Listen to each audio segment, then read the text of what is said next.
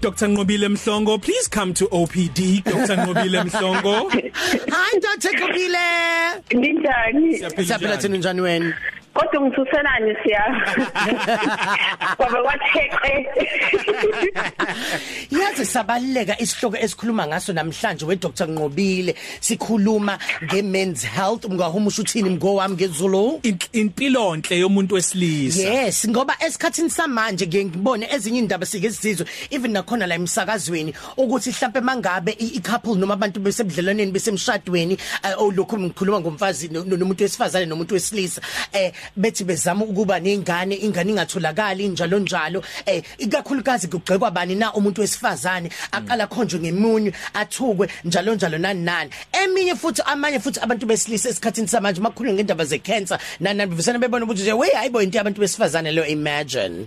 Yes kunjalo impela. Ngicabanga ukuthi isikompilo lethu eh kakhulukazi thina abantu abangamazulu eh abantu besifazane ibona abantu nje abanakekela yonke into mayelana namakhaya kanjalo nemizimba yabo. Na yonke nje into ephathelene nokuba active noma ukwenza okuthile uthinta kakhulu abantu besifazane. Abantu besilisa vele isikhathi esiningi ba abantu abaye babheka ukuthi ayuzokwenza umama. Futhi bayawusaba umjovo. Nokwesaba ke you know ngiye ngihleke behleke bese ngisesibhedlela ngithi mina ukube nje kuthiwa ene abantu besilisa bodwa bekuthiwa abathola umntwana ngendlela e-natural noma ngendlela yemvelo. Ngabe wonke umuntu ungayedwana? Insili um ake sikhulume ke Dr Nqobile ngokubaleka ke ukuthi unjalo ukuthi umuntu ahambe eyeyichecka acheck impilo yakhe isimo sakhe sempilo ukuthi simi kanjani. Ngokuthi ahambe yovashela udokotela njalo njalo. Akubaleke kangakanani Dr. Nqobile umuntu wesilisa ya. Ngokudakisayo nje self usasho njalo izifo ezinye uthola ukuthi abantu besilitha besilisa mhlambe azibabambi kakhulu. Kunezifo nje othola ukuthi zithagetha ubulili besifazane. Kodwa ngenxa yokuthi abantu besilisa abalifuni usizo lwezempilo kunesikhathi uthola ukuthi zibulala kakhulu abantu besilisa. Abesifazane noma kuthiwa sibagulisa kakhulu isifo kodwa ngenxa yokuthi bayahlolela ezempilo futhi bathole usizo. Kusanesikhathi uthola ukuthi bona abafi ngenxa yesifo esithile. Isibonelo nje kungaba isifo senhliziyo. Isifo senhliziyo ene sithagetha kakhulu abantu besifazane asebekhulile ngenxa yokushintsha kwama hormones noma ukokushintsha kwesakhiwo somzimba. Kodwa abantu besifazane ikakhulukazi abavamisile ukuthi umuntu abulawe isifo senhliziyo abantu besilisa okuyibona bona othola ukuthi kade nobuhlungu lokho eqinisele. Eh sekwenzeka ngelinye ilanga useshayeka phansi emsebenzini sekuyaphuthuma. Kanti kade kukhona inkomba umzimba omtshela zona ukuthi ayikukhona inkinga. So iloko nje okubalekile ukuthi abantu besilisa njoba senza lolu hlelo nalamhlanje njoba sikhethele sisihloko ikona lokuguguzela ukuthi abantu besilisa kubalekile nabo ukuthi bayinakekele ngokwezempilo. Bahlolwe batreatwe noma belashwe kusanesikhathi. Esalalele nje umuntu wesilisa noma wesifazana ohlala naye ngabe iziphi lezi zifo ezingena buthule kodwa zibe yingozi kubantu besilisa? General nje isikhathi esiningi eziba khona. Sike sezwa nje kukhulunywa ngomdlavuze ukuthi siye sibuke kakhulu komdlavuze webele kwabesifazane. Kodwa kwabesilisa umdlavuze we we prostate eh okuyindlala lezi ezitholakala lapha ngakubuntu bomuntu wesilisa.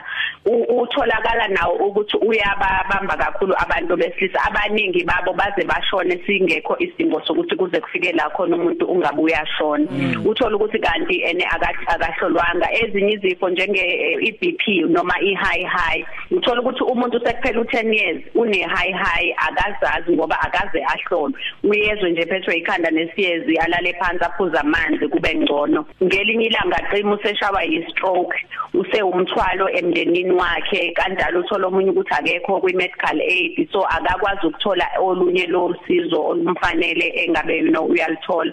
Kodwa njengoba ngisho nje ukuthi uma usubuka izindleko zokwelapha i-stroke kunezindleko izindleko zokuvikela istroke you know ila khona ngempela sigcizelela khona ukuthi abantu kubalekile ukuthi bahlolwe bephila nje umuntu ewumqemane ahambe nje ayohlola impilo yakhe. Okay kodwa ungathi akagcile kakhulu mase neminyaka emingakanani. Okay fine mase ngina 20 years ngoba abanye abaningi kuma 20s hayi 20 kuma 20s ngoba abanye babo sike sibone baqale ukuthi befuna ukuqala imndeni ngaleso sikhathi lezo gazi basuke bejakhiphi um um and then kodwa ngigcila ngephi nendawo? Mhlawumbe sengina 30 sengila ko 37 ngoba masuyela ko 40 kanje sekushona phansi kuya ku 50 siyazi ukuthi hey uh, the end is quite near. Yep ngingathi nje mina ene umuntu osena 20 years kuyaphezulu kumele ngempela abhekelele impilo yakhe. Ngoba uma umuntu esefika ku 40 ila khona njengoba kuthiwa life begins at 40 nezifo ziqala ku 40 ngokunjalo.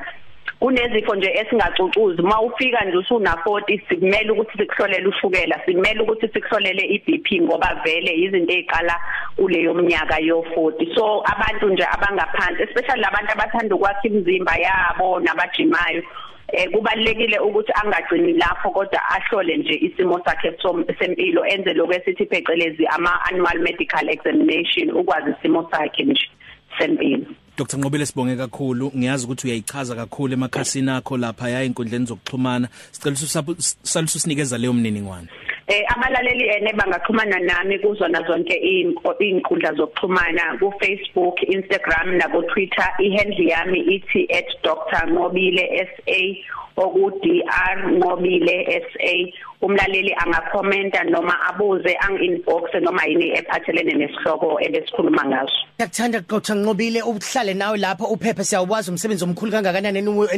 enwenza njengamanje nalengwadle engake sibhekene nayo. Bye bye Dr. Happy belated birthday. Ngiyabonga kakhulu ngishare birthday nokhozi. Nesikhondla khona. Ngiyabonga. Bye bye. Positive Cafe. Ilunch yakho ayifani neyizolo.